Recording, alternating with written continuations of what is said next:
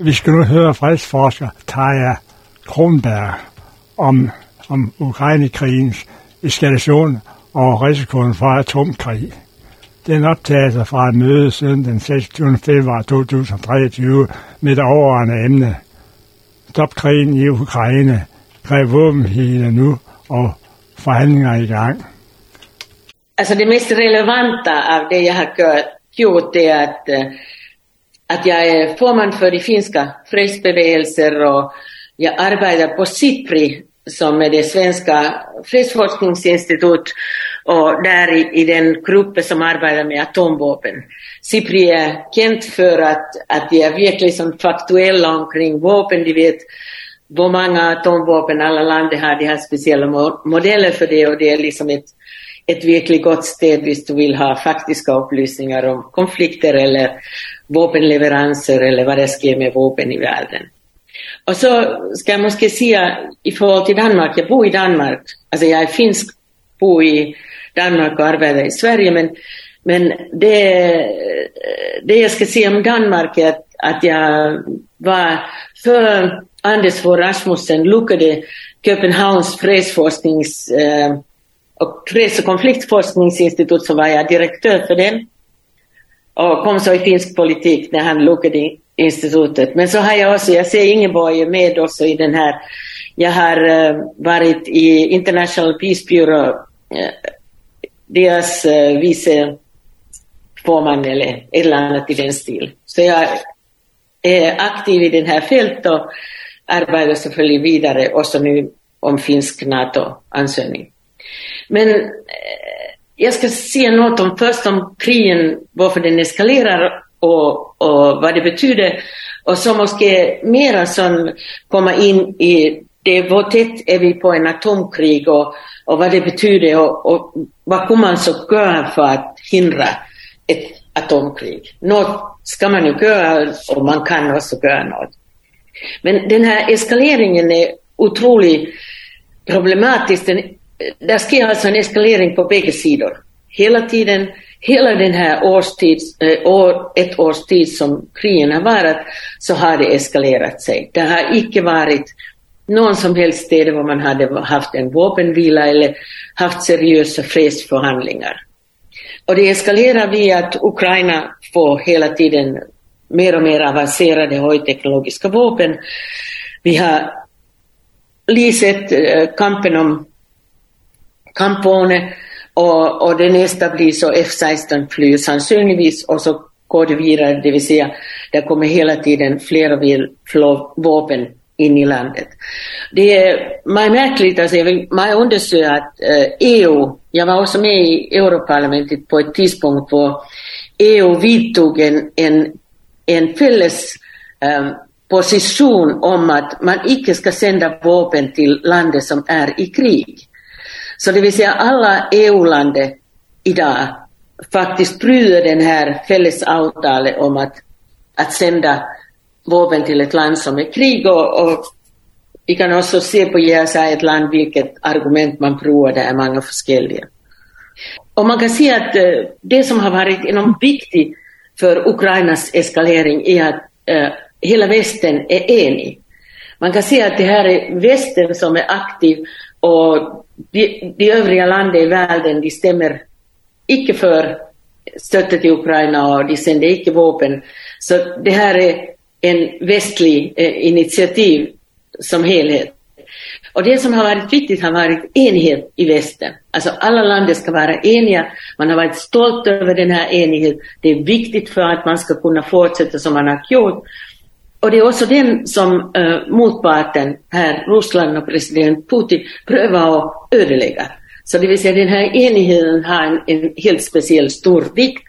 Och man kan se att det är nu, för första gången, så är det både Ungern och Österrike, det har sagt att de sänder inte flera vapen till Ukraina. Så det är en, en motstånd allredan. Det andra är så att Ryssland eskalerar vid att uh, få fler och fler unga män in. Alltså det var 300 000 förliden dag och, och så får man också, har man haft också uh, fångar och andra och nu mobiliserar man sannolikt relativt hårt igen. De unga män i, i eh, Ryssland de protesterar. Många av dem, där kan de, de flytta till ett annat land och flyktar. Så det är också en, en protest där.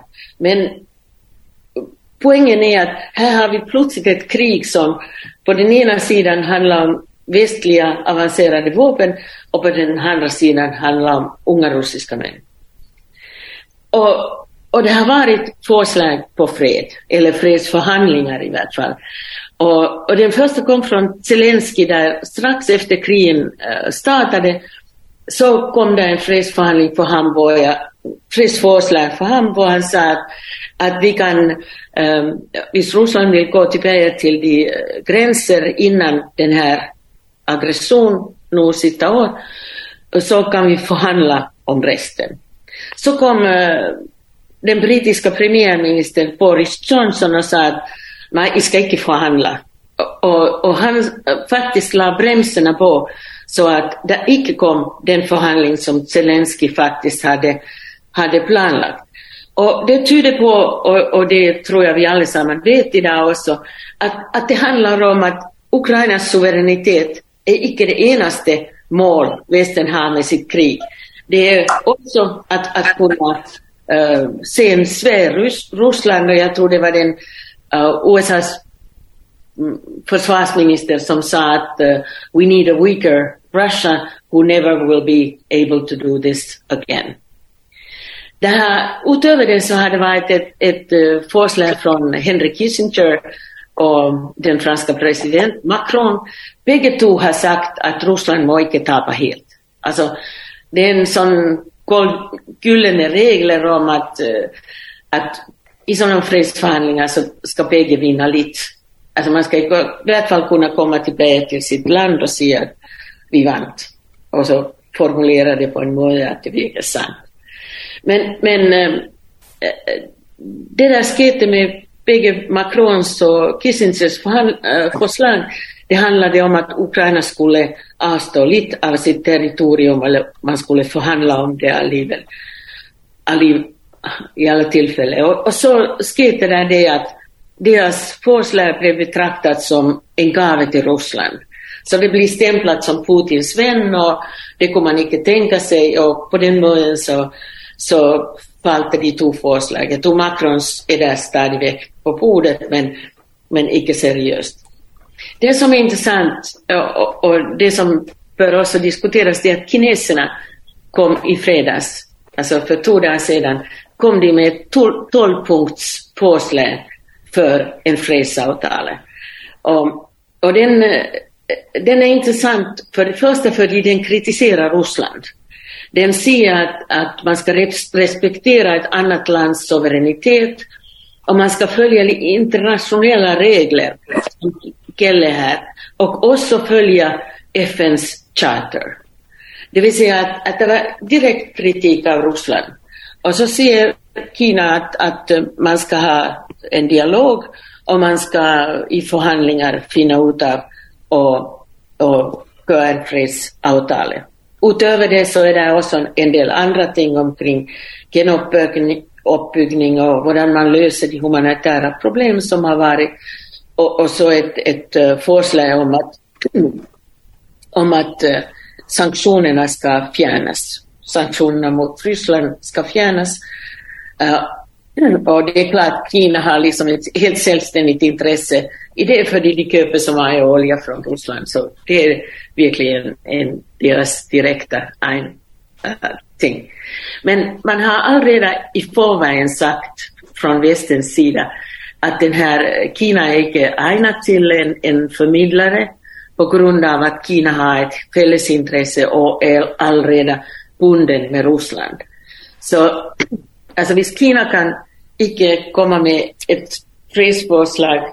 Jag tror att man har liksom förväntat att Kina ville kunna göra det mycket mer neutralt än, än vare sig västen eller Ryssland kan göra. Så är det icke någon fredsförhandlingar på bordet, men vi kan diskutera den kinesiska förslaget senare. Men det stora, stora spörsmålet, så det, det är det jag ska egentligen behandla, är vill krigen eskalera sig till ett atomkrig. Det är första gången i lång tid som det har varit aktuellt och, och det är ett tecken på att, att, det sker, att det sker. För det första så Putin har ju signaliserat indirekt eh, eh, atomvapen har en speciell kvalitet i det att de ska inte provas, men de ska troas med. Och när man tror med dem så ska trosseln vara eh, trovärdig. Så det vill säga, vi har en sån, en eller annan paradox och dilemma här att vapen som ska inte provas, men trosslarna ska vara trovärdiga. Han har så, Putin har så signaliserat att, att alla medlen ska tas i prov.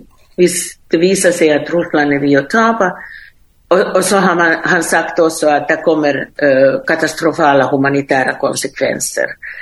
Det är så indirekt att säga att man ska prova atomvapen.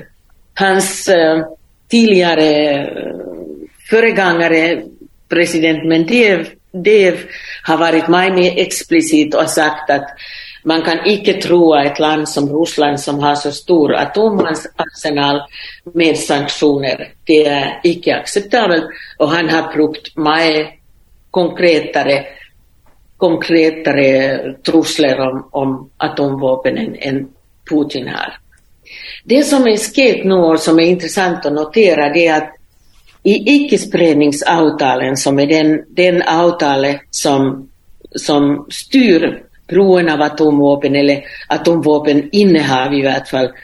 Så enligt den så kan fem länder ha atomvapen. Det är så Frankrike, Storbritannien, Kina, Ryssland och eh, USA. Och de här fem länderna, de har en, ett fällskap, de har ett eller annat eh, community eller en eller annan, för de har allesammans ett stort intresse att de vill behålla deras atomvapen. Och speciellt Ryssland har det intresse för att Ryssland är en, en, eh, en stormakt. Vid stormaktsstatus bekräftas av att den har atomvapen, eller försäkras av att den har atomvapen. Så Ryssland är otroligt sårbar för de andras kritik. Nu har man så, i den här gruppen av fem länder, har man så haft ett möte, Ryssland var till stede, och, och vi har alltså blivit eniga om att man ska icke prova atomvapen.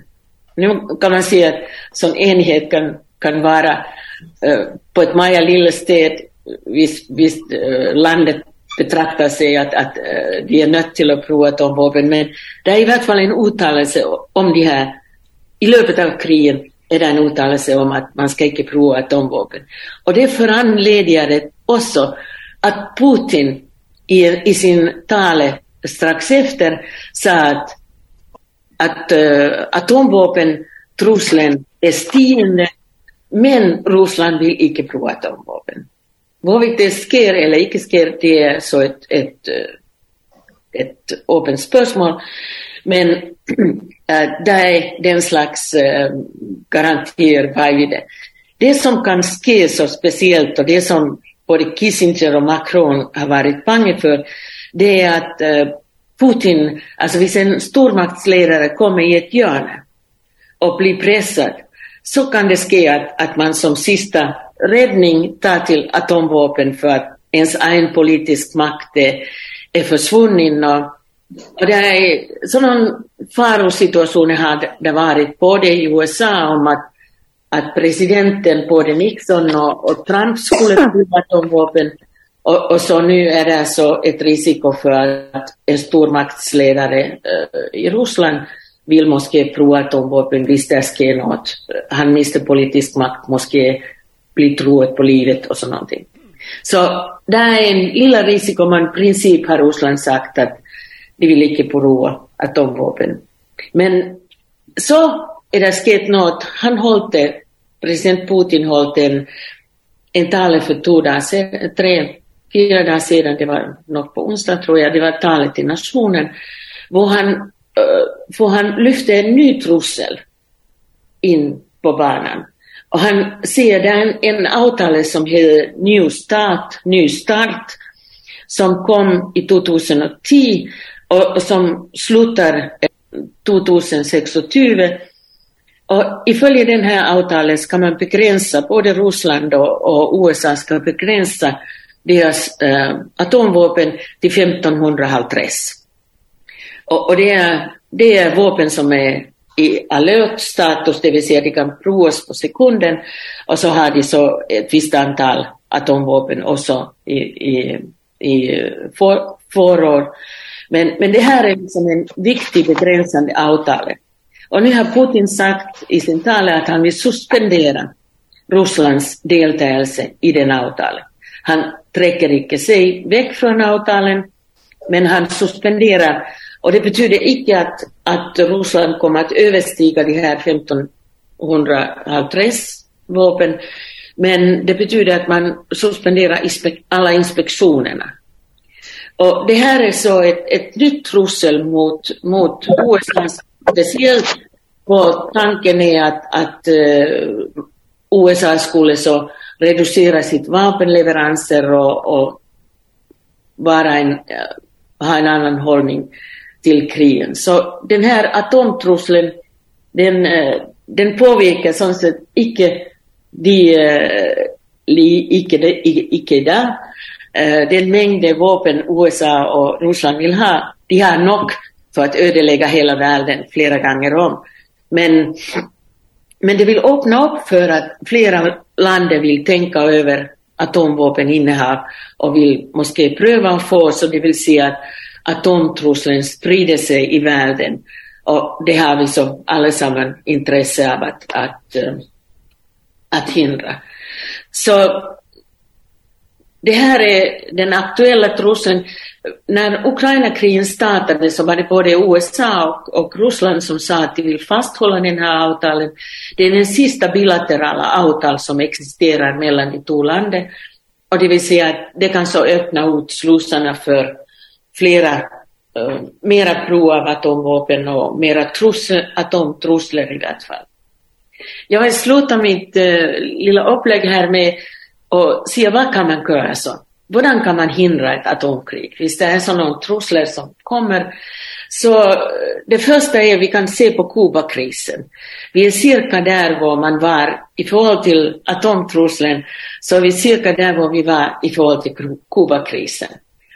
Och den löste man så vid att det var ju, bakgrunden var ju att eh, USA installerade eh, äh, atomraketer i Turkiet och, och så kom Khrushchev och, och ville installera tillsvarande i Kuba. Och så det är inte den här krisen med att parterna enades om att USA drack eh, raketerna från Turkiet väck och Khrushchev befallde skiberna till att vända tillbaka så de väntade på, på sön. Och det kan man så se att det, verkligen, alltså det, det handlar verkligen om att man ska förhandla, man ska verkligen pröva och finna en mål att hantera den här situationen som vi har nu.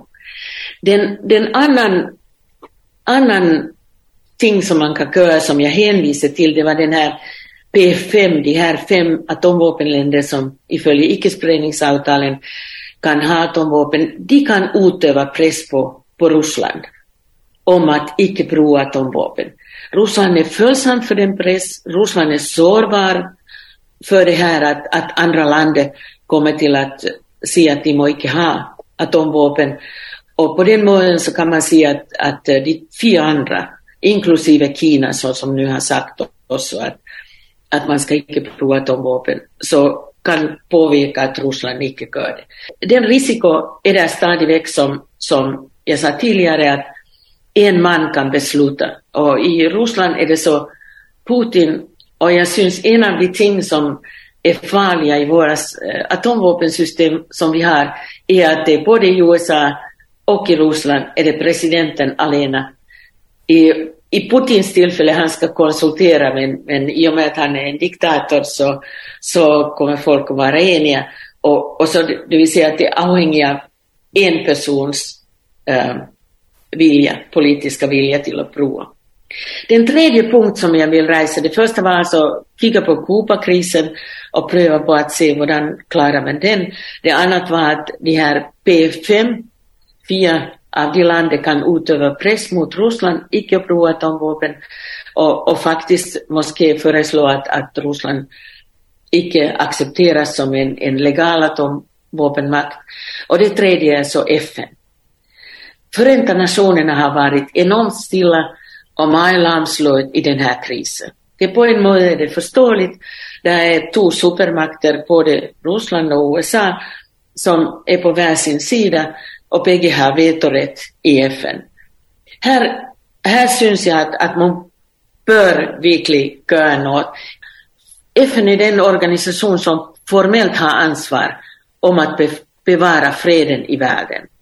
I det här tillfället med Ukraina-krigen har vi icke gjort något.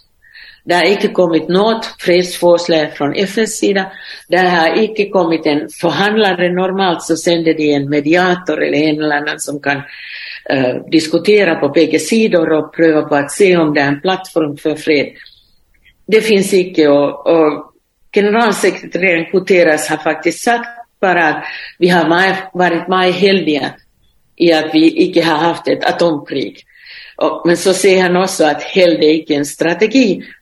Men jag vill mena att, att eh, man i Danmark, alla nordiska länder och alla andra länder kan arbeta för att FN faktiskt får en strategi och får makt till att påverka den här situationen så att vi undgår ett atomkrig. Tack.